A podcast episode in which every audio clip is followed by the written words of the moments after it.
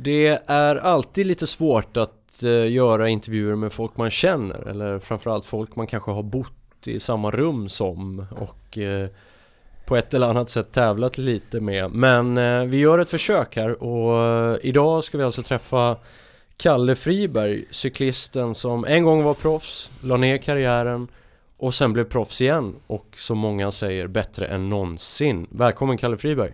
Tack Jojje!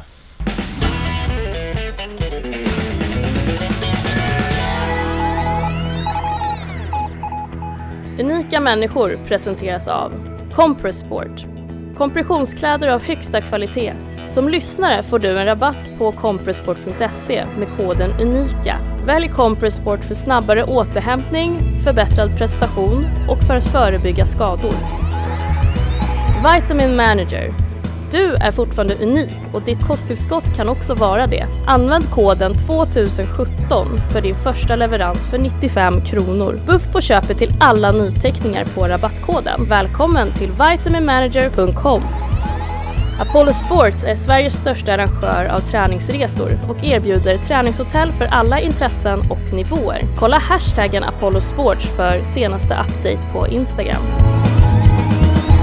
Superfruit, Nordens ledande varumärke inom naturlig och ekologisk supermat och raw foods. På superfruit.com får du som lyssnare 20% rabatt med koden GOJI. Tack för att du lyssnar. Nu kör vi!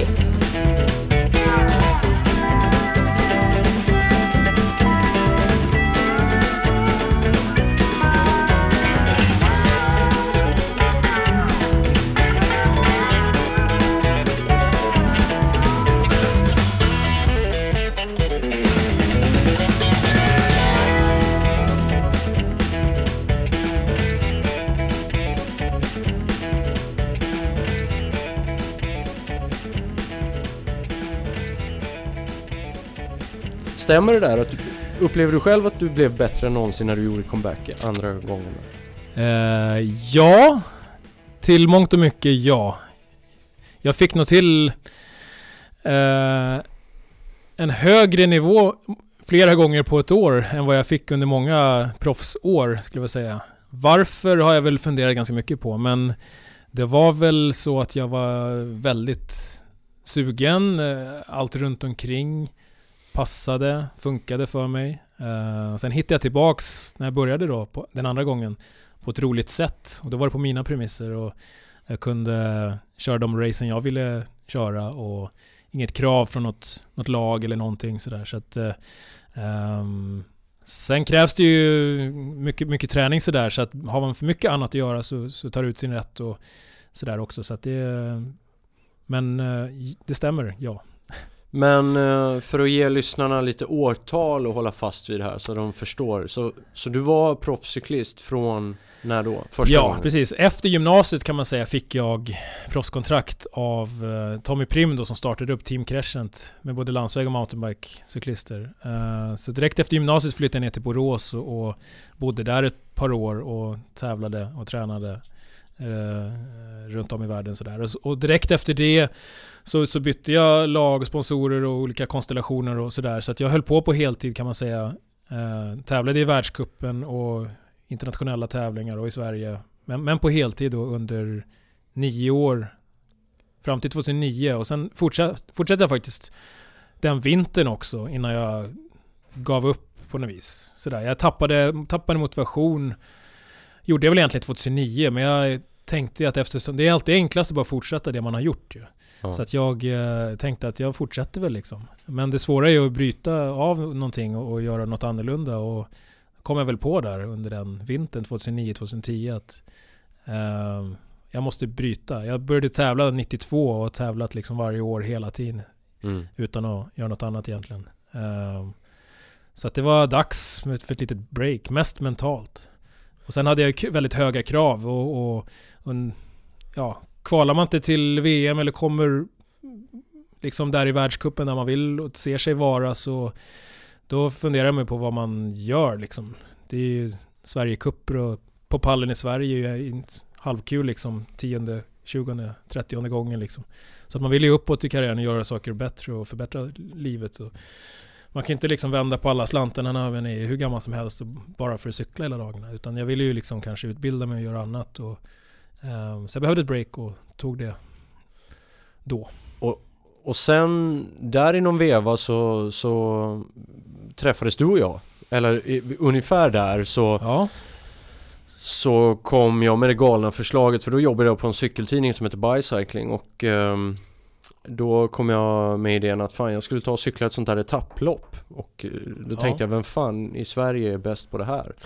eh, eller fall har varit och Ja. så satte chefredaktören ihop mig med dig just det. och så fick jag ta med mig dig då eller vem som tog med vem men Ja, efter det så, så blev det, du fick en liten gnista där nere. Jag ska bara Absolut. tillägga att vi tävlade ju inte på samma premisser på något sätt, jag och Kalle, utan eh, Kalle hade ju som eh, liksom roll i det, mitt första etapplopp Andalusia Bike Race. Det var ju liksom att slussa mig igenom det här safe and sound liksom att... Eh, var det ditt första etapplopp? man- Ja, det var, det var Mm. mitt första. Ja. Och sen fick jag ju mer smak för det där, men Ja. mer som äventyrsform än, än prestationsidrott sådär. Men eh, det som var jävligt störigt var att man då märkte, jag hade ju inte tävlat mountainbike sedan jag var 15 år och, och sådär, men vad jag kom ihåg var att jag upptäckte hur jävla bra du var.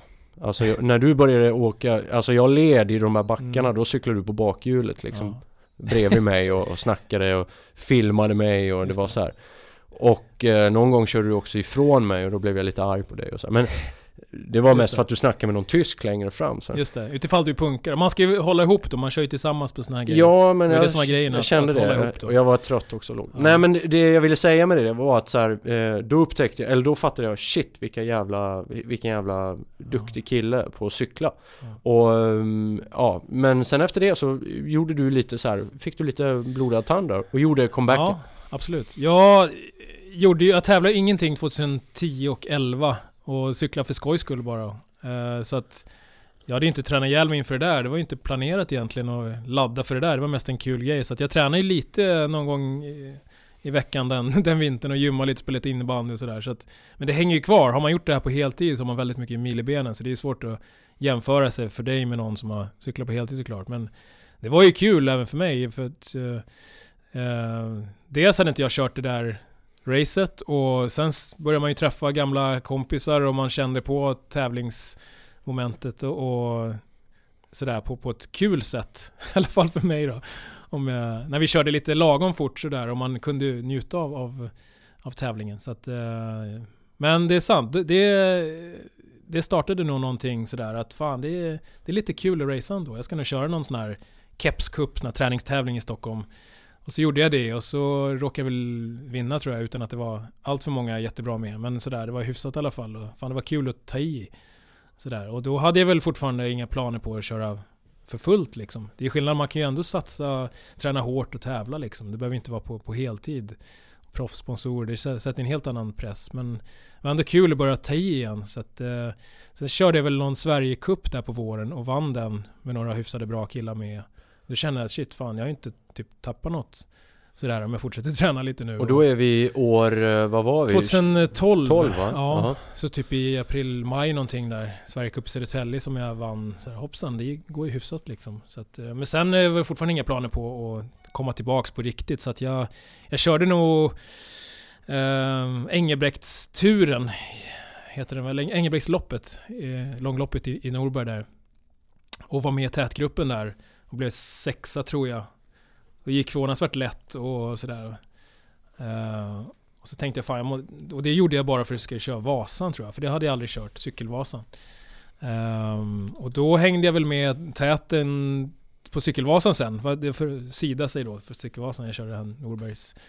Uh, och sen körde jag cykelvasan och hängde med täten väldigt länge.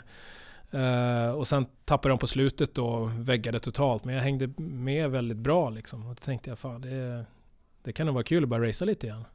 Och då föddes det liksom på riktigt då att till 2013 så, så satsade jag igen. Mm. Eh, men då jobbade jag väl eh, och pluggade lite grann. Jobbade åt min, min pappa och pluggade lite reklam marknadsföring sådär. Så det, var, det var ändå en bra mix sådär. Eh, det var inte allt på ett kort som det var innan, vilket kan vara lite, lite farligt om det inte går bra. Mm. Vilket det var förut. Det var ju det som var liksom...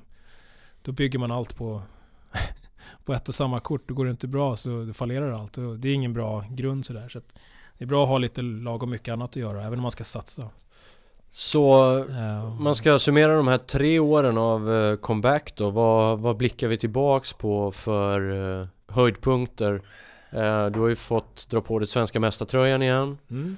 Eh, landslagsuppdrag. Eh, berätta lite. Höjdpunkter. Ja, två- 2013 då gick det väl helt, eh, helt okej, tror jag. Då startade vi ett e- eget team där, Team eh, Nordic Cycling Cannondale där och fick med mig ganska mycket partners. Hade, hade en bra säsong men eh, var väl inget så här fantastiska grejer. Jag var väl tvåa på SM och... Jo, jag vann faktiskt långlopps-SM gjorde jag. Förlåt, det var väl bra. Eh, det är inte gjort innan, så det var kul. Och även cykelcross-SM vann jag den hösten 2013. Ehm, så det var ju kul. Det är väl hyfsad utdelning ändå? Absolut, det är Alltså, jättebra. ja. Eh, Så två mästartröjor på en och samma säsong sådär. Så det är ju jättekul som cyklist. Det är det man vill. Åka i, i blågult då. Mästartröjan som man får ha hela säsongen. Testar du den säsongen dig utomlands någonting då? Ja, jo men det körde jag. Jag körde Bike for Peaks, ett stort etapplopp i, i Tyskland om fyra dagars. Så då blev jag väl sex eller sjua totalt där. Och det är riktigt bra motstånd. Bland, ja, sådana här maratonkillar. Kristoff Sauser och Karl Platt och massa sådana här kanoner liksom som jag kunde matcha.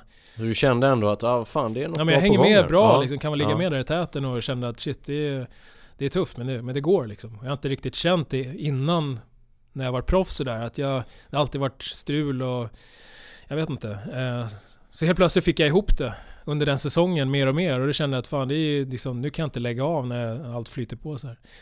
Ehm, och sen 2014 också tvåa på SM, uh, eh, tror jag, i cross country. Och ehm, fick väl till något, jag blev uttagen till uh, Det var väl både VM i Hafjäll Cross country och körde väl maraton-VM jag var sju- åtta på en maraton-världscup Vilket var väldigt bra i Frankrike Ehm, Ja, det var bra resultat hela, hela året igen då. Och sen 15 så blev jag svensk mästare i mountainbike cross country. Ehm, och uh, ja, tvåa på cross, eh, cykelcross-SM och jag fick även till, jag vann en etapp i Bike four Peaks. Det rankar jag väldigt högt före Christoph Sauser där och de här maratonkanonerna. Ehm, så jag har alltid sådär som genom åren har haft problem på lång, långa distanser sådär att jag inte riktigt håller. Jag har varit väldigt sådär startsnabb och kunna köra fort och sen fade Så att kunna känna det här att vara bra på, på längre klättringar och längre etapper och etapplopp ger en ganska cool så här, känsla att klara av det. Och det kom väl med åldern och timmarna också sådär så att det var eh, Det In- rankar jag väldigt högt så. Innan vi går in på det, just det där med cykelsportens eh, eh, olika grenar. Mm. Eh, 2016, vad var det för en säsong? Den vi blickar tillbaks på nu. Ja, nu hade jag väl tre väldigt bra säsonger, 13, 14, 15, så det kanske var dags för en dålig, jag vet inte, stolpe ut, otursäsong eller någonting. Jag vet inte. Det har gått eh, inte alls som jag tänkte kan man säga. Det började väldigt bra. Jag körde i Andalusia Bike Race igen med Gustav Larsson som körde i mitt team Scott Skoda som jag har. Och vi, eh, vi blev sexa totalt och vann en etapp. Så det var vi supernöjda med. Uh, otroligt bra konkurrens. Ehm, och sen körde jag Cape Epic med ett sydafrikanskt team, Team Contego. Eh, men då drog jag med ryggproblem och fick, fick avbryta efter femte etappen. Så det var liksom big failure så. Eh, sen eh, var jag uttagen till EM, hemma-EM i cross country i Husqvarna i maj. Ganska tidigt uttagen, så det har ju varit en plan att köra bra där i början på maj. Eh, men där efter startloopen så får jag en gren in i bakväxeln och så bakväxeln går sönder och växelöra eh, i ett, på två sekunder liksom. Efter en och en halv kilometer. Så att jag kommer inte ens ut på varvet. Jag står på målrakan och bara står som ett frågetecken. Och Roberto Vacchi skriker ja här kommer hela fältet och så ser man någon som är kvar där och står still och det är jag liksom. Så Mm. det är jäkligt segt. Eh, hemma, stor hemmatävling liksom. Och häftig bana. Det var riktigt och Jättemycket publik. Och, Propagandaväder Ja, och verkligen. liksom... Ja. Strålande, grymt arrangemang. På alla sätt och vis. Och så mycket svenskar ute och kollar på oss i landslaget. Så det var segt så. Ehm, Sen var det väl något bra race helgen innan i, i Norge, någon Norge Cup där. Var så här, fyra på, det var hyfsat så. Någon Sverige Cup var på pallen och sådär. Men det är ju... Ja, det är inget att skriva hem om, även om det är bra. Så är det ju, um, och sen kraschade jag i ett par veckor innan en cross country SM. När jag var nere i Frankrike med, med eh, Lisa nere på, på Höges läger och, och tränade så kraschade jag på landsvägscykeln och gjorde illa handen, eh, handleden och, och, handen där så att kunde inte köra SM och försöka försvara mästartröjan. Eh, så det blir lite vila där. Missade en världscup som jag tänkt köra också helgen innan i Lenzerheide. Eh, och sen innan det så, så bröt jag maraton-VM. Det gick, var världens sämsta dag. Jag vet inte varför, helt kraftlös. Så jag klev av efter halva. Uh, så det har varit väldigt många så här, både stolpe ut, dåliga dagar, otur, alltså så här, grej, hur, på, grej på grej. Hur uh, avslutade du säsongen då? Kände du att du hade stolpe in någon gång här på slutet eller? Liksom? Jag kan addera maraton-SM då, där jag punkade bort mig ja, i ledning då efter en tredjedel ungefär. Det kändes kanon och punkade bort mig och um, så att loppet var liksom kört. Jag hade jag försökte täta med en patron då, men den, den pöst, det var för stort hål. Så att det bara, uh, men jag vann väl sista loppet för året då. Något MTB Adventure Marathon i, i Södertälje, liksom ett mindre maraton då. Men uh, i övrigt en ganska sådär skitsäsong förutom... Men där hade du lite annat uh, att tänka på sen du kom i mål. Vad tänker du på då? Nej men jag, var det inte där ditt tält blåste in i en bil? Nej. Nej det var inte Nej det var inte där. Nej det var inte där. Men det var, det var också en sån här otur stolpe ut grej. När vinden Ja det var 2014. Ah, ja okej. Okay. eh, men du, eh, om vi går in då på cykelsportens olika discipliner. Jag menar nu är du ganska vi, du pratade lite om det här Karl Platt och, och de som är specialister på de här etapploppen och mm. väldigt duktiga på att köra mm. sådana. Men eh, om jag lyssnar på dig här så jag menar du vinner SM cykelcross och sen cross country och sen långlopp och mm. så här, eh, Jag menar ni är ett gäng, ni är fem Tio stycken i Sverige som tävlar om det på riktigt i alla discipliner nästan. Ja. det är lite så olika discipliner. Ja men absolut. Eh, Hur kommer i, det sig? I, I, Sverige så kan man väl, om man kommer från MTB cross country Vilket de flesta gör och, och sen kör man eh, långlopp och maraton också Eftersom de inte maratonen är längre så kan man som cross country-cyklist hävda sig och köra i princip lika bra på det. Uh, och är man cross, duktig cross country-cyklist så har man ju ett högt VO2 max och hög toppfart och ganska bra teknik för att vara med i toppen på cross country. Och då kan man hävda sig oftast ganska bra på, på cykelcross också. Utan för mycket specialisering. I alla fall i Sverige liksom. Uh, åker du ner till Belgien, Holland, Tyskland, Schweiz. Då är det ju cykelcross-specialister som är väldigt duktiga på, på, i den disciplinen. Så då måste man fokusera och ladda för det liksom och gå in för... Det är en materialsport också med massa extra cyklar och, och däck och ja. Det är en helt annan grej. I Sverige har vi inte det djupet, eller den bredden på eliten kan man säga för att, för att göra det så, så hårt. Så att för oss, några stycken där så kan vi kan vi köra alla discipliner och vara, vara med i matchen liksom. Um, sen är det en annan sak och liksom, de som kör Kip Epi kanske inte vinner cykelcross-världscuper liksom. Alltså om man drar det åt sina... Mm. Uh, Men om man säger landsvägscykling så blir det svårt för dig att hävda dig i svensk elit eller? Ja, alltså jag kan väl hävda mig på kanske absolut bäst på antingen uh, knixiga GP-hopp där det är mycket eftersom man har hyfsad teknik som, som mountainbikecyklist. Jag har ju tävlat ganska mycket landsväg sådär så att jag skulle väl kunna, eh, om man bortser från lagkörning, man tänker nivåmässigt sådär, kunna hävda mig eh, på GP-lopp och även på linjelopp om jag har ett lag och en, en uppgift sådär. Det är det att man just kräv, det krävs ett, ett lag och en, en det är svårt att komma in och köra själv bara. Så det är ju, har, har jag ett lag och folk kör för mig så kan väl jag hävda mig Även om jag inte har någon specialist där och tempo är väl ingen stark sida. Men om vi skulle ha lite backar i lopp i Sverige då skulle vi kanske vara lättare att hävda sig. Mm. Eh, längre klättringar sådär då, på, på landsväg. Eh, men platta lopp och du kör mot ja, svenska stora lag som Team Treberg eller ja, det är några stycken där. Så då är det ju svårt att hävda sig själv då liksom. Mm. Um, men sen är det ju, ja, det är lite skaderisk och oklart och sådär också att, att tävla landsväg. Så man vill inte riskera för mycket för att få en bra träning utan det är ja. Um, Lan landsvägscykling är farligare än mountainbike? Ja, alltså...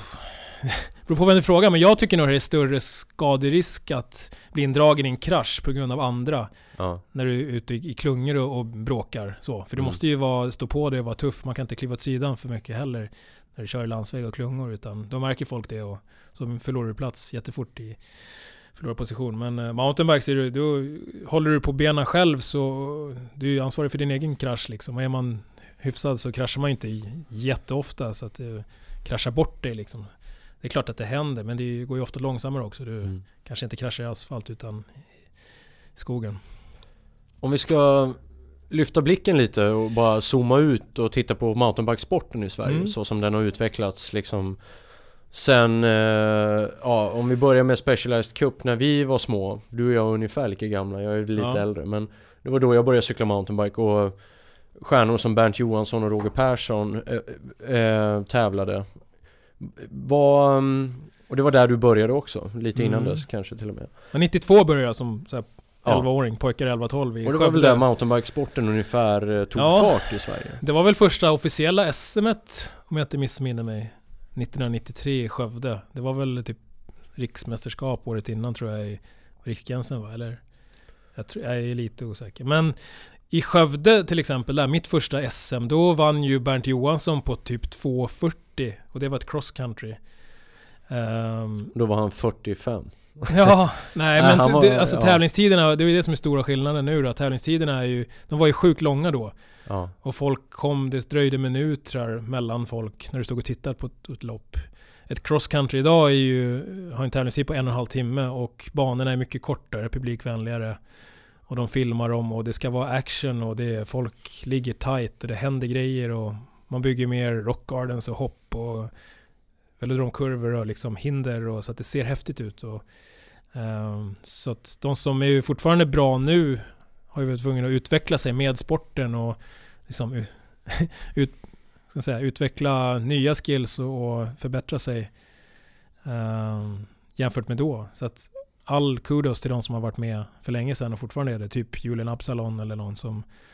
ehm, så att det är ju ganska stor skillnad då och nu på MTB Cross Country och eh, jag tänkte komma till det. Här har vi precis kommit ur ett eh, Rio 2016 med ett OS-guld på den kvinnliga sidan, Jenny Mm. Rissveds. Ja. Och hur eh, cykel, det lilla landet Sverige har kunnat bli så bra på mountainbikecykling. Nu har vi inte Ja. haft, vi har haft en del stora framgångar på herrsidorna, Ja. herrsidan men eh, jag menar vi har inget OS-guld men vi fick det i, i damcykling. Vad, Ja. vad, vad liksom, eh, vad har sporten, hur kan, hur kan Sverige ha blivit så bra i den här sporten? Eh, Sverige, alltså... Det är väl... Sverige som land har ju inte varit någon jättestor cykelnation, men det är då och då ploppar det ju upp talanger som är material för att bli riktigt bra. Och då gäller det att de får stöttning och, och support i, i rätt riktning, i, i rätt läge. Och Jenny är väl typ en sån tjej som har verkligen uppenbarligen då förutsättningarna att vara i världstoppen och vinna OS. Och hon har ju fått bra hjälp nu de sista åren här och kommit in i rätt team och varit i rätt miljö. Ett schweiziskt lag där, Team Scott Odlo. Med legenden där, Thomas Frischneck som driver den, som har vunnit flera VM. Och, så att hon har ju blivit omhändertagen av just schweizarna som är det bästa, har den, vad ska säga, den, den bredaste elit, eliten kan man säga. Typ 6-7 av topp 10 på här sidan är schweizare i, i världsrankingen.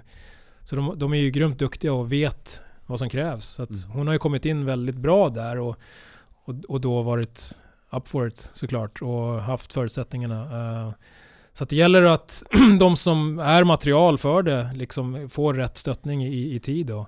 Men vi har ju en här Ehm. eh, som gick lite den vägen också som jag tänker på Fredrik Kessiakov Mm. som faktiskt körde i ett stort internationellt team Precis. på Ja det var väl början 2000 eller Ja, någonstans där innan Ja. han konverterade till landsvägscykling precis. Så det du säger är lite att det handlar väldigt mycket om vad man, vad man kommer med i för lag, vad, vilka som satsar på en För det, Ja, det, det sitter ju- inte alltid i benen Nej, precis. Det är, det är, man kan jämföra lite med, med längdskidor eller alpint då, när du kommer till ett landslag och det är din slutdestination. Där blir du omhändertagen och kanske har en, en lön för att klara sig, så har du lite sponsgrejer runt omkring sådär. Som cyklist måste man ju ta kanske steget och Eftersom inte cykelsporten är så stor i Sverige måste du ju hitta ett lag utomlands då för att kunna köra dem och få support på stora tävlingar och försöka få en lön och, och, och då måste du kanske visa framfötterna och vara bättre den än den tysken, schweizen då för att få ett plats i ett lag där nere. Och kanske ta sitt pick och pack och flytta ner till Europa eller hitta en lösning där du kan vara hemma och flyga ner till race och så. Och det är inte alltid så lätt då när man är ung då ta sitt pick och pack och det är nytt språk och ny lägenhet i Tyskland eller Schweiz eller vad det nu är. Och sen göra resultat där nere och vara tuff och uh, så att det, vill, det krävs lite mer och lite längre väg liksom att nå dit. Känns det som. Jag har ju testat på det där så det är, det är inte helt lätt. Uh, och, och, lämna kompisar eh, och familj och så hemma. Det är enklare för en schweizare som har det, kan ha det och bo hemma och ändå åka till världscupnivå tävlingar varje helg i princip. Uh, så det är, en, det är en faktor sådär. Men sen är det ju Eftersom vi inte är lika många som är lika bra så gäller det när den, den som är så pass bra måste ju verkligen vilja gå hela vägen och göra allt som krävs liksom. Och Fredrik var ju ett sånt bra exempel som var bra talang och sen gav sig fan på att han skulle lyckas och flyttade ner till Italien, Schweiz där och körde tillräckligt bra under många år så han, han skapade sig själv, liksom skapade förutsättningarna att, att lyckas då. Uh, och sen han skulle också kunna tagit en OS-medalj kanske. Han fick ju inte till det på, han körde väl två OS eller tror jag. Uh, och sen gick jag över till landsväg då. Um, men det är ju, och det är ju, vad ska man säga, det är ju fler, ännu fler som är bra än på, på tjejsidan. Utan att förringa deras insats så är det ju otroligt hårt och många om det. Så att gör du minsta miss så är man ju väldigt borta liksom. Ja. Um, så det är en hård sport så, absolut. Och sen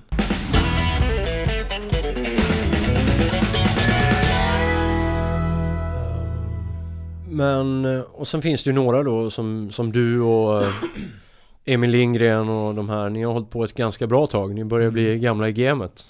Hur länge liksom kan man, kan man hålla på som, säg, låt oss ta mountainbike-proffs mm. då eller cyklist liksom. Ja. Många... När, när är man prime liksom? Ja, många, uh, det är väl lite olika när man blommar ut. Vissa kanske blommar ut väldigt tidigt och sen inte riktigt håller det sen och vissa blommar ut lite senare. Jag vet inte om jag blommade ut andra gången jag började liksom. Eh, eller om jag, jag har haft toppar också innan sådär. Så det är lite beroende på när man får ihop allt runt omkring ska jag vilja säga också. Och när man är mogen att, att liksom ta, göra jobbet och få, få hela paketet på något vis. Um, man ska inte förringa den liksom hungern man har när man är i början av elitkarriären och sådär, U23. Riktigt samma hunger är ju, jag ska säga, inte, den är inte riktigt lika lätt att hitta nu. Men samtidigt har man en mognad och liksom en smarthet som kanske jämnar ut de grejerna också. Men eh, cross country är det ju färre som är äldre. Maraton är det ju flera som går över till för att det krävs just mera timmar i sadeln och rutin att, och hårdhet. Så att eh, det är fler som är äldre när de kör maraton, etapplopp. Så kan man väl säga. Eh, men typ som Julian Absalon som är ett år äldre än mig då, 36, blir 37 då, 2017. Och satsar vidare. Och är ju liksom bättre än någonsin. Eller uppe där hela tiden och fightas som världscupsegrare. Tog han OS-guld? Nej, nej, han blev väl utan medalj men han... Just, mm. Jag vet inte om han vann världscupen eller om han... Han, var ju, han är ju med och fightas med... Ja. Han är väl den som utmanar Nino Schurter om det är någon. Just det, så var det. Så att... Um, absolut. Hatten av. Um, så du kommer hålla på ett, ett tag till? Ja, det blir satsning absolut 2017 och sen får vi se hur, hur det har gått lite grann. Jag, jag har ju lite andra projekt i, i pipen och sådär. Jag driver mitt Team Scott Skoda och vi kommer väl utöka eh, till nästa år med det och sen eh, har jag lite andra projekt med, med olika samarbetspartners. Så det, det finns att göra. Så att vi får se hur, lite hur eh, säsongen går och vad jag känner. Men det blir full satsning i år i alla fall.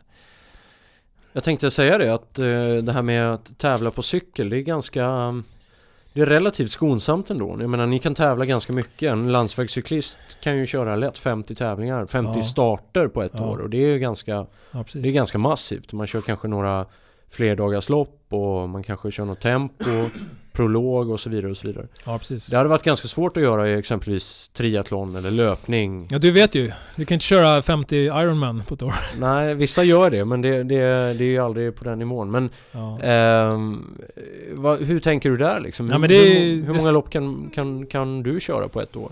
Landsvägscyklister på just proffsnivå är väl extremt mycket tävlingar. Eh, så de, de har ju många etapplopp och det rullar det ju på. Då blir det många starter och sen har ju de inte ambitionen på varje race att, att försöka prestera och vinna liksom. Vi, mountainbike blir det lite svårare. Även om du har ett par etapplopp så blir ju alla race all out liksom. Det är svårt att bara glida igenom på samma vis liksom. Ja. Eh, för du kör alltid för dig själv. Landsvägscyklister kan ju ha en roll där de kör har ett jobb halva loppet och sen tar de sig i mål bara. Eller åker och, ja, och sen kliver av. Eller, alltså det är inte alltid de racear på samma vis där. Så att eh, det är anla- en anledning sådär. Men sen är det ju skonsamt. Du kan ju cykla mycket. Och det, vi tävlar oss i form ofta. Kör något etapplopp för att komma i form liksom. Då kan det ju vara en fyra dagar eller en vecka race. Liksom. Det är ju sju, sju race då. En Ja. vecka. Så, att, så att du använder det för att komma i form. Men du kanske inte ska pika för det liksom.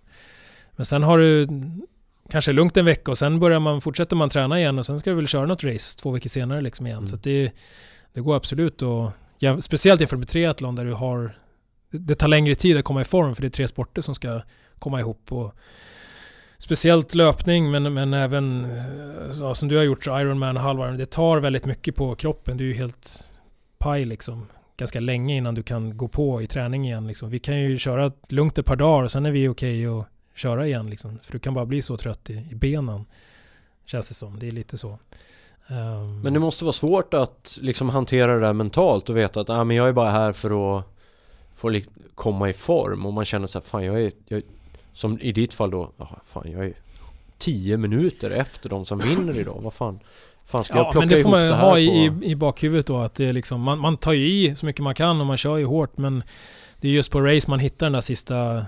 Liksom, det är då man gräver som djupast. Och, och folk, man får väl tänka att folk har kört annat eller ligger längre i, en- i en annan fas liksom, i sin träning. Och, och, eller är bättre än dig. Men um, det är så man måste se det och inte stressa upp sig över, över det om man kör något som är för tidigt. Jag ska till exempel nu till köra ett fyra dagars på, på Lanzarote här. 4 till 7 februari. Um, och jag har ju varit lite sjuk nu och så jag har inte haft någon bra december. Ehm, och sen kommer jag försöka träna på så, så mycket som möjligt då. Men, men där kommer inte jag vara med i toppen. Tror jag. skulle vara förvånad om jag skulle. Men det är ju, då får jag ta det som, som träning bara och göra det bästa utav det. Och, um, och veta med mig att jag blir bättre utav det. Man skulle inte kunna träna så hårt. Så jag ser det som ett bra litet, litet block. Mm. Så kommer jag ur det utan någon skada eller sjukdom så, så har jag blivit bättre. Men det är alltså ett uh, etapplopp eh, där du kör själv? Solo? Ja, eller inget, du nej, inget, inget, eh, det är sololopp exakt. Sololopp? Inget lag så. Så det är två, vad är det? Det är um, något kortare point to point. Första dagen, tre mil och sen är det väl någon sex mila, så här, kortare maraton. Sen är det ett bergstempo på någon mil, eh, en timme, typ två, två mil. Um, och sen är det något längre maraton på åtta, nio mil sista dagen. Så att det är en bra mix där. Du om vi eh, stannar kvar lite bara rundar av det här Cykelsverige och, och mountainbike i Sverige och sådär. Du som har kört du, du måste ju ändå ha kört alla svenska långlopp i alla fall eh, flera gånger om. Men sen har du också kört massa cross country och sådär. Men om du skulle säga en plats, en bana eller ett lopp i Sverige som är liksom the shit man ska köra om man vill köra riktig mountainbike. Vad är det? Ett cross country. Ja, ett långlopp kan Ett långlopp? Ja. Ehm, Eller är det två olika saker tycker du? Ja, alltså ett cross country En cross country-bana kan ju... Den är ju jättemycket kortare och den får man ju köra massa varv. Och där är ju tjusningen när man börjar sätta linjer och verkligen hitta runt den så att man får ett flyt. Uh, å andra sidan kan det vara roligare om du är i form och verkligen så. Ehm, men det är oftast lite mer tekniskt och Och, kräver... och vilken bana skulle du säga då? Ja, skulle det vara? Husqvarna? Ja, den är absolut en av de bästa. Mm. Eh, väldigt jobbig. Den har ju rejäla klättringar där på Husqvarna. Så att, eh, IKHP-stugan är upp och ner. Uh, väldigt krävande, men otroligt häftig och, och, och välbyggd och, och jobbig. Absolut. Sen, du, vad har vi mer annars? Där jag vann SM, den är väldigt rolig. Men den är otroligt byggd och den är inte så naturlig, men den är väldigt rolig. Var är vi nu? Uh, I, var var det någonstans? Isaberg. Just det. Mm. Uh, och det har ju gått lite åt det hållet, så många cross country-banor är ju väldigt byggda. Alltså så här, man bygger velodromkurvor och hopp och, och dubbelhopp och lägger till stenar och gör rock gardens och liksom så. Så det kan ju vara kul, men ibland blir det nästan, nästan för mycket. Det är rätt häftigt med, med rötter och naturliga stigar också. Så att det gäller att ha en mix där. Och långlopp då? Um, får inte ja. säga Lidingö MTB? Nej, får inte säga Lidingö. Den är absolut favorit annars. Jag skulle vilja säga Mörksögjakten är väl en av de finare, måste jag ändå säga faktiskt. Um, Där hör ni Dalarna. Ja, precis. Ja. Exakt. Um, sen har ju Cykelvasan är ju inte jätterolig som bana. Det gör ju hela grejen, eh, hur stort det är och hur många som vill vinna och hur liksom hetsigt och fort det går. Det är det som gör den häftig. Men som, som bana är det ju inte superrolig liksom. Men... Eh, du har aldrig lyckats få till det där på Cykelvasan? På Cykelvasan? Ja. Jag, nej, jag var sexa och åtta. Så jag var med och spurtade om det så, men inte... Ingen men det är en annan typ av lopp? Det är landsvägscyklister ja. som vinner? Ja, absolut. Senaste åren har det blivit mer och mer att du behöver ett lag för att hjälpa dig att uh, kanske ta, gå på attack och, och, du låter någon attackera och kanske är kall själv och sen när, när andra har hämtat in honom så attackerar du själv. Så att man kör som ett, ett lag på landsväg egentligen. Så att, um, inte så att det är ett måste, men det går mer åt det hållet att folk teamar ihop sig. Jag tänkte på det här med cross country jämfört med långlopp. Det, jag menar mm. cross country-scenen i Sverige idag, den är ju nästan död. Alltså det finns ju inga motionärer som kör svensk cross country så att säga. Alltså Nej kort, det är lite synd liksom. Korta, för ju, hårda. Ja, det, eh, och det, för det gör för jävla ont. Och det är, ja. jag menar ställa sig på start i ett sånt lopp, det är ja. rejäl ångest. Ja. Jämfört med att glida igenom den, den ja. tre, fyra timmar långa fikastunden Cykelvasan. Det är rätt mysigt.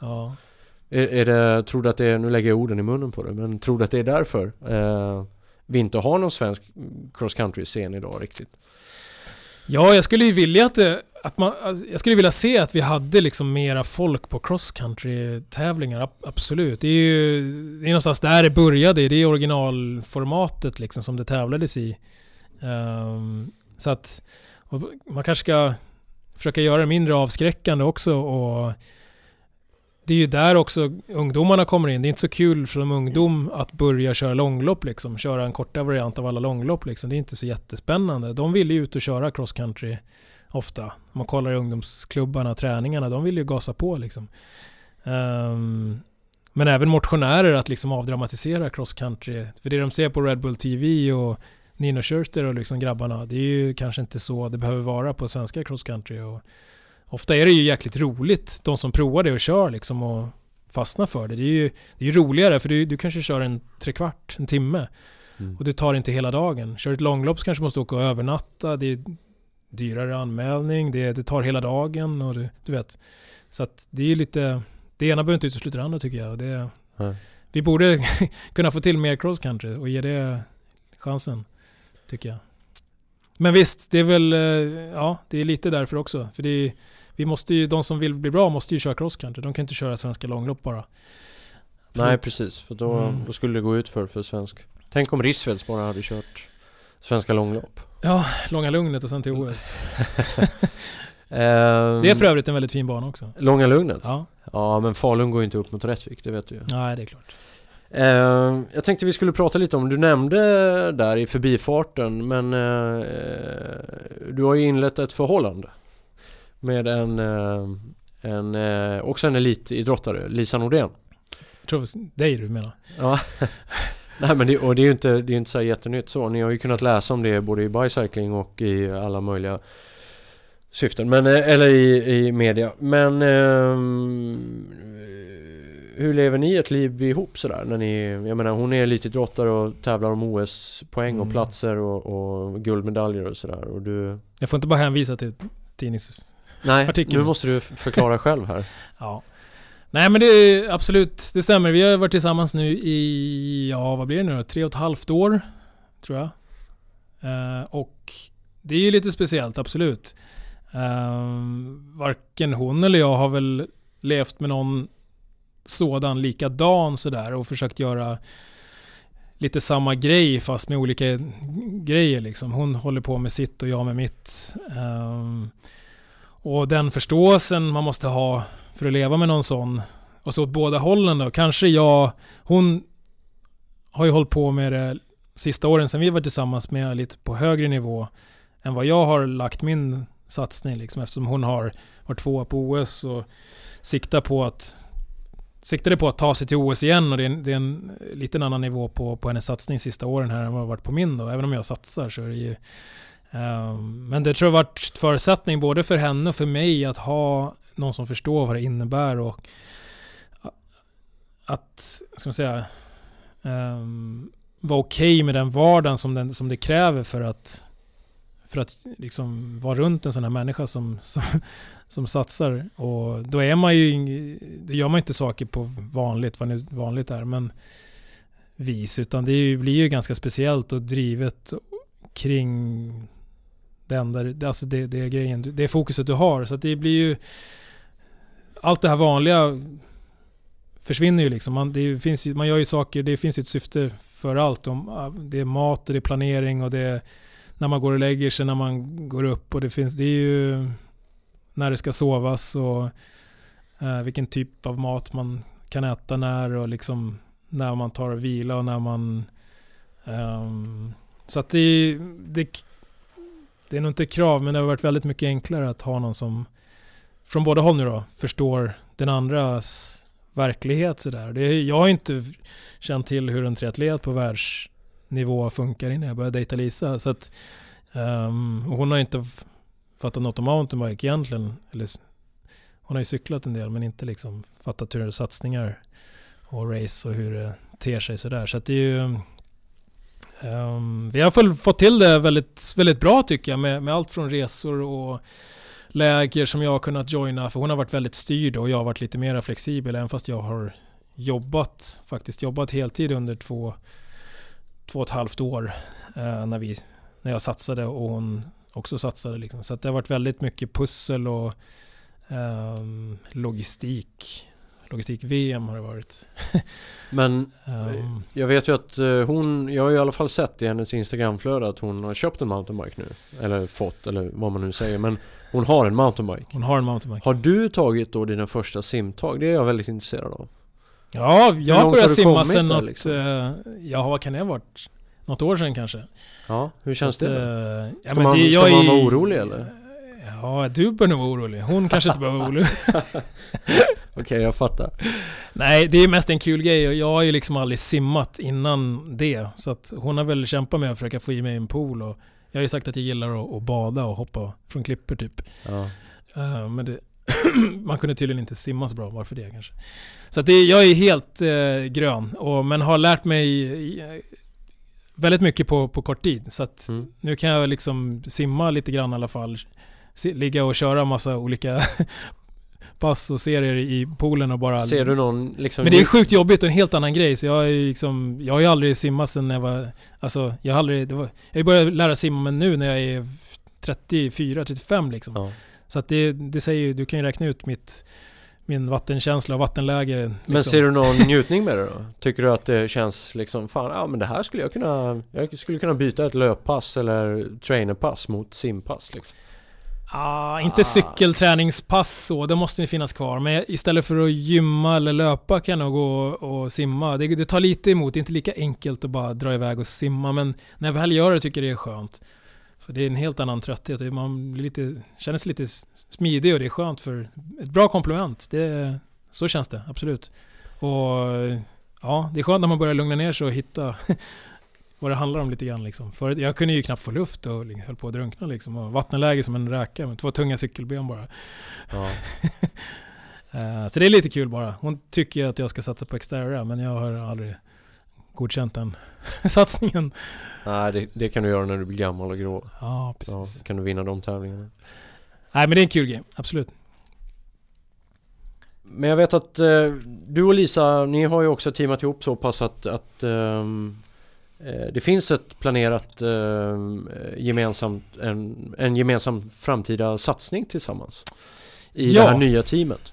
Ja, precis. Då kan jag ju meddela att eh, Lisa kommer köra för mitt, som har varit hittills ett mountainbike-team då, Team Scott Skoda. Där det har varit jag och Henrik Sparr. Och nu eh, tar vi även in eh, Lisa och skapar då en triathlon-sektion, eller vad ska jag säga. Nej men Lisa, kom, vi kommer samla oss under den här flaggan.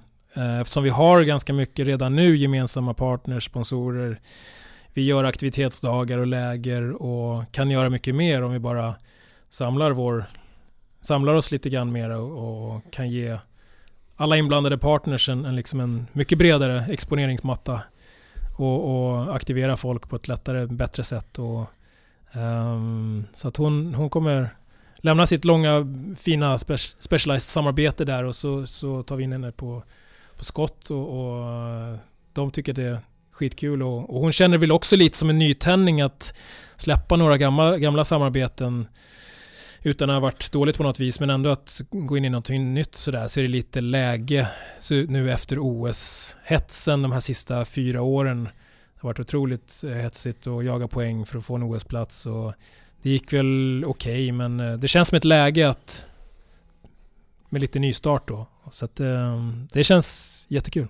Men hon, hon kommer fortfarande satsa triathlon och det, det är fullt fokus på triathlon. Absolut. Och då är det, då är det liksom ITU eller långdistans eller vad, vad är det som är sagt? I teamet? För du är Precis. team manager nu. Ja, precis. I, i år kan vi säga, ja, det, vi har varit tre stycken i år. Det var jag och Gustav Larsson som jag kör Andalusia Bike Race med och, och Henrik Sparr.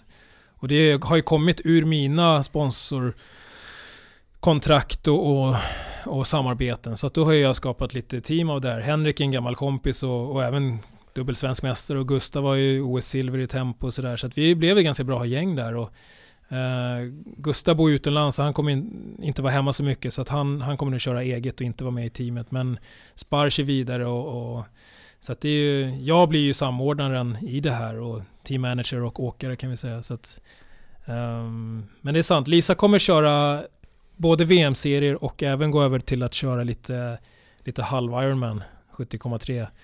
Och sen lite cykeltävlingar när det, när det passar också. Till exempel Tempo SM ska hon göra en satsning på.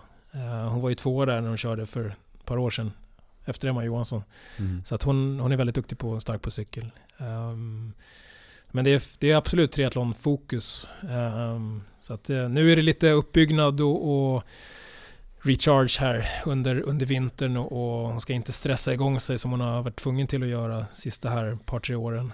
Eh, utan ta det i rätt ordning och bygga upp en kropp som håller och, och för att kunna prestera. Och, um, så att det, det är lite senare start. Det är väl en halv Ironman på Mallorca i maj där som är första. Um, så att det, det är väl en lite sånt år för många triatleter att de testar lite annat. Allt från Xterra till, eh, till lite andra distanser och så. De som har satsat på OS. Det här är året att göra det. Jag känner igen det här själv från egen. Egen OS, ja det vet du det.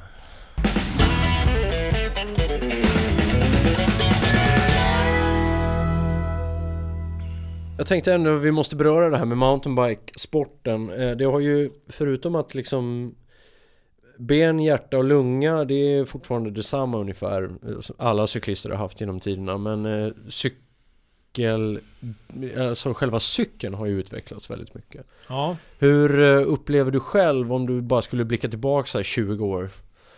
Sen du började liksom, eller ännu mer, 25 år, sen du började cykla. Det känns som det har skett en liksom mini-revolution här. Nej, Eller det känns ganska evolution. lika faktiskt. Känns ganska lika. Ja. Nej men för, som du vet så är det ju, det var ju väldigt små hjul tyck, tycker vi nu att det var då. Det var ju Ja. 26 tums hjul och det var ju det naturligaste, det mest naturliga och det fanns inget annat. Så att, eh, när det började komma 29 och sen 27,5 tum där, när det hela grejen kom så, så blev det en revolution och ska man ta det steget mycket fram och tillbaka och sen helt plötsligt bara skulle alla ha 29 och 27,5 också där. Eh, Men nu är det mest övervägande 29. Så att det är ju det stora som har hänt, hjulstorleken. från 26 tum till 29. Men sen är det ju, sen utvecklas ju allt väldigt snabbt i form av växlar och, och drev och förenkla saker. Ett drev fram till skillnad från tre drev där man hade för tio år sedan. Um, flera, eller ska jag säga, större spel liksom, spann på kassetterna och, och allt blir lättare.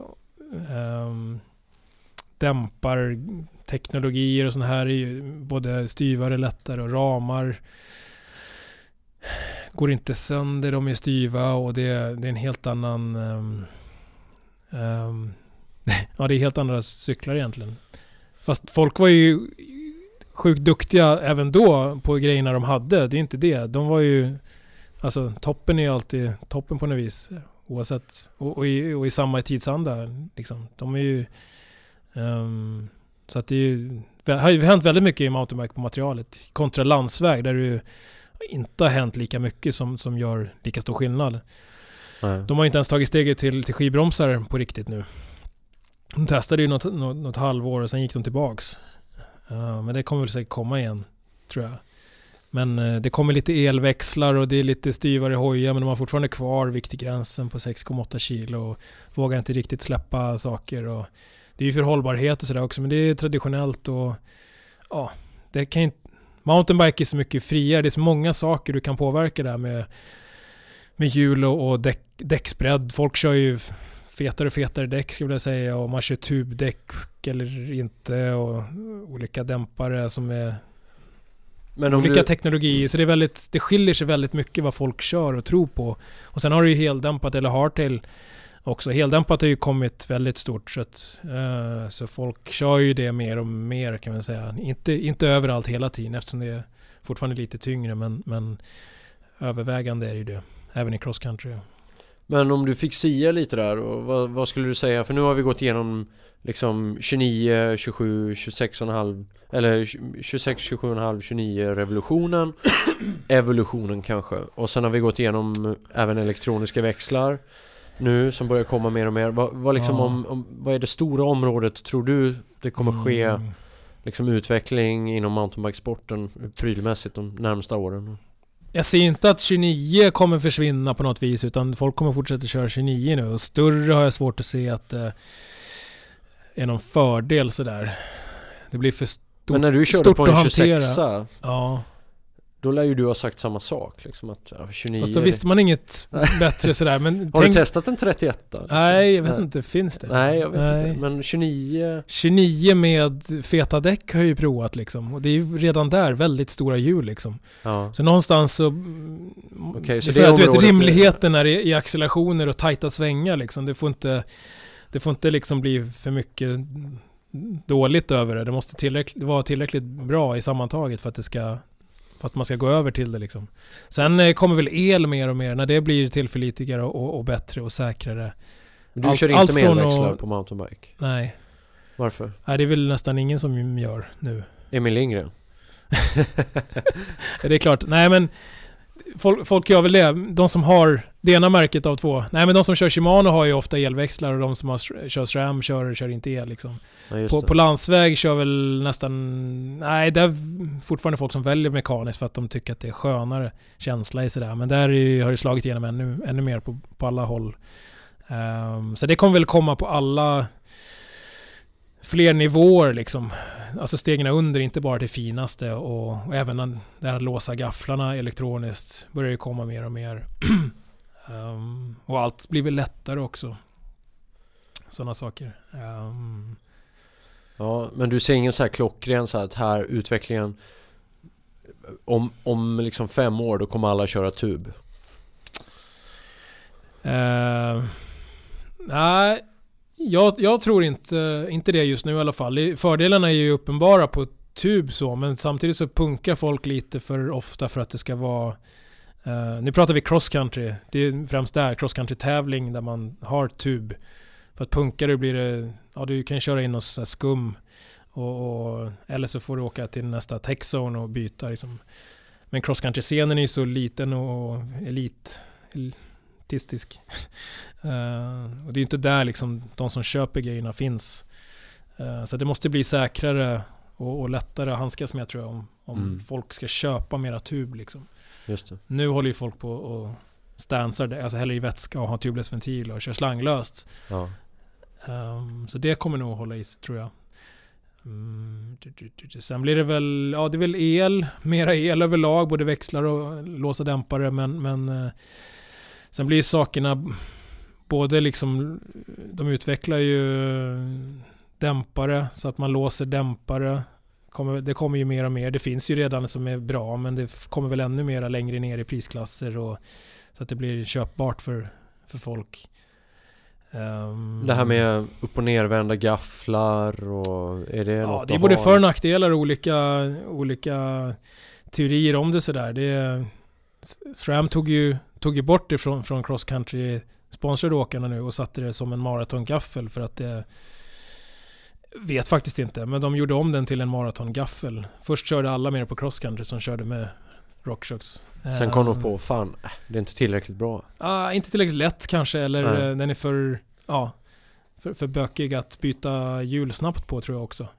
För du har ju gaffelben som är flytande, som rör på sig. Så varje gång du av framhjulen måste du sätta dem exakt rätt för att skivan ska, och framhjulet ska på. Just det. Mm. Så det är väl ingen cross country tävlingsgrej. Det är nog lite därför. Ja, det är spännande det där området. Ehm, Och sen finns det ju hela tillbehörssidan med skor, hjälm, Garmin, GPSer och eh, allt som är... det känns som cykelsporten och mountainbikesporten är ju otroligt... Den otroligt prylorienterad. Ja, det är ju en grej som jag kommer på som kommer öka ännu mer. Det här med watträning. Folk längre ner i, ska man säga, de som köper billigare cyklar och de som inte bara är proffs och är lite elit kö- köper ju wattmätare för att träna nu. Ja. Och det finns allt från V-partier till eh, baknav till pedaler till grejer du sätter på vevarmar. Det finns väldigt många olika nu wattmätare som du har när du kör när du tränar för Vättern eller för när du bara tränar och för långlopp och inte bara proffscyklister utan ehm, som synkar med Garmin-datorer eller med Swift-datorer som du kör med på vintern hemma i garaget. Och sånt uh, accelererar ju och ökar ju. Så att det här med wattmätare och, och datorer och grejer, det är ju för att motivera folk och det verkar ju funka. Det är, ju, det är kul. Motiverar det dig? Vilket? Wattmätare? Ja, all, alla sådana här gadgets liksom. Ja, Blir du både... gladare av Ja. att du har köpt en ny watt, eller fått en ny wattmätare och så Ja. sticka ut och testa den liksom? Gör det dig till en bättre cyklist?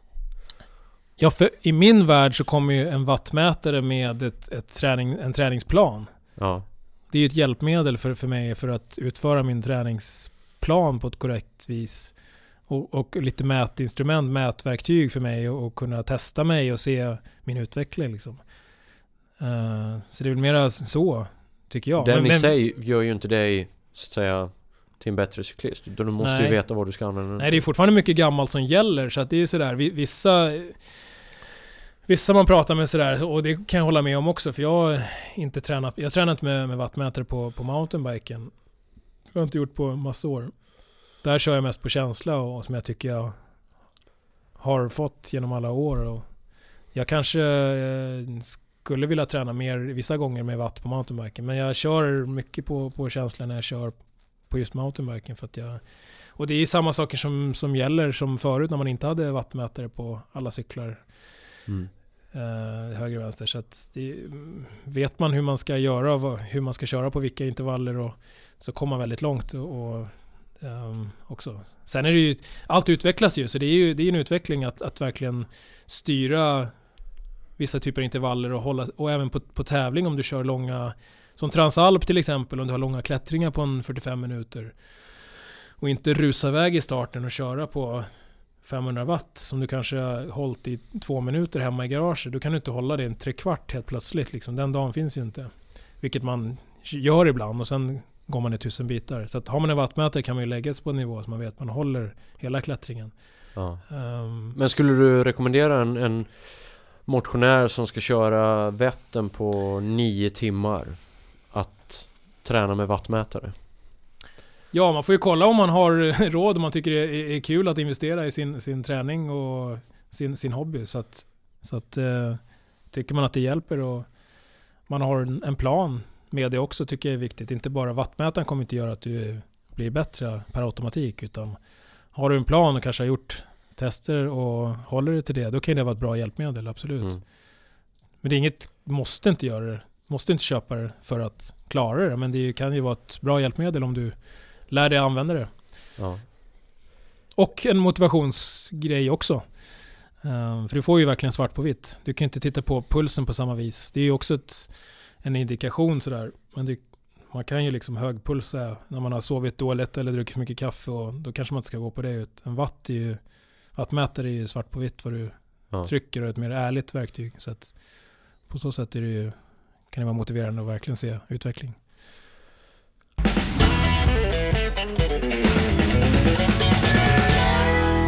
Tänkte innan vi avslutar här så ska vi runda av lite med att prata om din träning. Hur du har tränat dig och hållit dig frisk och stark genom åren. Vad, vad har liksom varit, vad har varit eh, ditt vinnande koncept? Om man, eh, har du, eller om jag börjar med frågan så här, under de här 15 åren som proffs då eller? Ja, mm.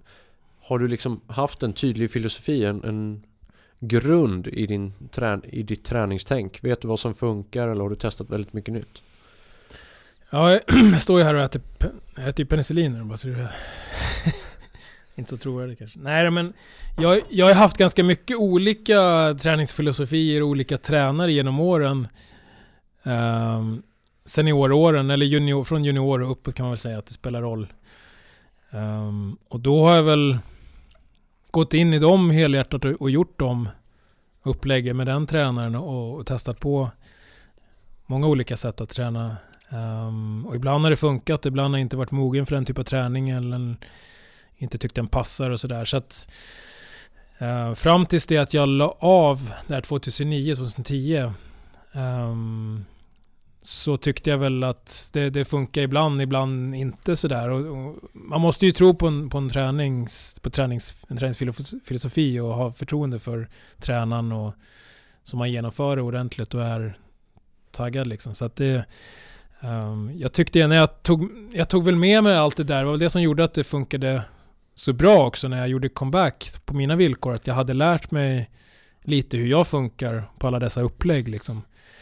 Dels Måste, alltså jobbet måste göras men det måste också vara lite roligt också. Alltså så här, du måste känna att det, fan, det här blir bra liksom, så du känner motiverad inför uppgiften. Så att det inte bara är dödstråkigt och ett måste, för då tar det slut efter ett tag. Liksom. Så du måste känna att du köper upplägget, att det blir bra för dig. Så det var någonstans det jag hittade när jag gjorde comeback, att det var försöka hitta tillbaka till ett eget upplägg som jag själv komponerar ihop och tänker till om. Uh, så det är väl det som är lite hemligheten, att jag själv lyckas komponera ihop det som jag tycker att jag eh, behöver. Men är det så här att du sätter dig med ett Excel liksom och tre månader innan ett stort race och, och så här, ja men nu det här jobbet måste jag göra för att komma i shape. Eller har du det i huvudet eller är det något så här, är det bara magkänsla? Gans, ganska mycket känsla. Jag, jag, jag har väl haft en, en grov plan har jag gjort. Jag börjar sitta och kolla på vilka race jag ska köra och vad, som, vad planen är. Och sen får man lägga en grov plan efter det. Men sen har jag varit ganska öppen för att ändra inom det där och även längs resans gång. Beroende på hur jag känner och hur, hur kroppen reagerar. Uh, så att jag har kört ganska mycket på, på känsla efter eget huvud, lite vart efter sådär. Men jag har väl gjort en, en grov plan beroende på vad jag ska sikta på för tävlingar och sen uh, brutit ner det liksom. Um, men sen ska vi säga, sist, sista åren, jag, jag har ju jobbat heltid på skott och pendlat till Uppsala och samtidigt elitsatsat och då finns det ju inte så mycket tid att välja liksom på. Då kan man inte göra ett proffsupplägg för då finns det inte tid att mängda så mycket som man gör, man gjorde innan liksom till exempel. Och det finns en timme, max 45 minuter att träna på en dag. Då får man göra någonting bra av det. Så då har jag kört väldigt effektivt och kanske en kort lunchintervaller eller hemma på testcykeln igen sen på kvällen eller ja, så korta små. Då får man ju ännu, ännu mer noga att det verkligen gör skillnad, det man gör då. Då, då finns det inte, inga, inte så mycket tid till mysfika-rundor och, och myspass liksom, eller så här utfyllnadsfluff. Utan då är det ju, får man ju köra hårt när det väl när det väl eh, gäller. Och kanske verkligen vara beredd att gräva djupt och, så att det gör skillnad. Men samtidigt också när man har så mycket fullt om runt, dygnet runt, eh, sover lite för lite och sådär. Ibland, blir man ju, ibland är man ju för, för trött och då måste man våga lyssna på kroppen också. Det har jag blivit mycket bättre på sista åren att nej, jag pallar inte. Det är, jag, nu måste jag sova istället. Och så Mm. tar man nya tag dagen efter och, och, och vara nöjd med det. Inte gräva ner sig och bara shit, nu fallerar allting. Utan så här, "Åh, fan jag behövde sova, bra. Nu tränar vi hårt imorgon istället. Eller jag bara lätt pass på gymmet. Eller jag, jag stretchar, kör lite pilatesboll och eh, rulle hemma liksom. Eller något. Ehm, så våga tro på det, det du gör, de, de valen du gör och inte gräm dig inte över det liksom. Men det, Ehm, det känns som cykelsporten, du nämner det lite där att eh, eh, det här med mysfikarundor, att det handlar väldigt mycket om att mängda. Att ni Mm. mängdar mycket, att, att Ja. det blir väldigt mycket sticka ut, cykla 5-6 timmar i sadeln. Det, det ger liksom väldigt stor, ska man säga, kapillär effekt av att bara sitta och spinna mycket. Det behöver inte vara särskilt jobbigt. Ja, Eller? det finns väl en kultur av att sticka ut och på långrunder. Det är ganska, det är ganska lätt liksom att sticka ut. Speciellt i Stockholm, inte så backigt här och man sticker ut ett gäng och stannar och fikar. Och det är relativt lätt att tillryggalägga liksom 3, 4, 5, 5 timmar och sen fika emellan och åka och snacka liksom. Um, och det har väl sin plats också, att mängda lugnt. Men då kanske då kanske man glömmer de här hårda passen emellan som man måste göra för att vara bra också. Och de här hårda längre passen där du kör, där du pacear, eh, kör fartträning eller du kör intervaller i de där långrundorna. Eller liksom, så man kan inte bara ut och myscykla. Men det är ju ganska lätt att samla timmar på, på cykel. Du kan inte ut och springa i fem timmar liksom. Eller det gör ju inte Nej. de flesta. Eller gymma i fem timmar. Eller du vet, simma i fyra timmar liksom. Ehm, så på så sätt är det lätt att det är därför cykel är skonsamt också. Ja. Att det, det, det går att cykla ganska mycket. För det är inte så, inte så mycket belastning på... Springa är man väldigt nöjd och trött och kan vara paj efter en timme liksom om man kör hårt. Ja. Cyk, cyk, då måste man typ cykla hårt i två timmar kanske. En massa intervaller för att känna samma pajhet. Mm. Ah. Jag tänkte Kalle, vi ska runda här men eh, först vill jag säga så här till alla er som lyssnar jag, jag tar den här på uppstuds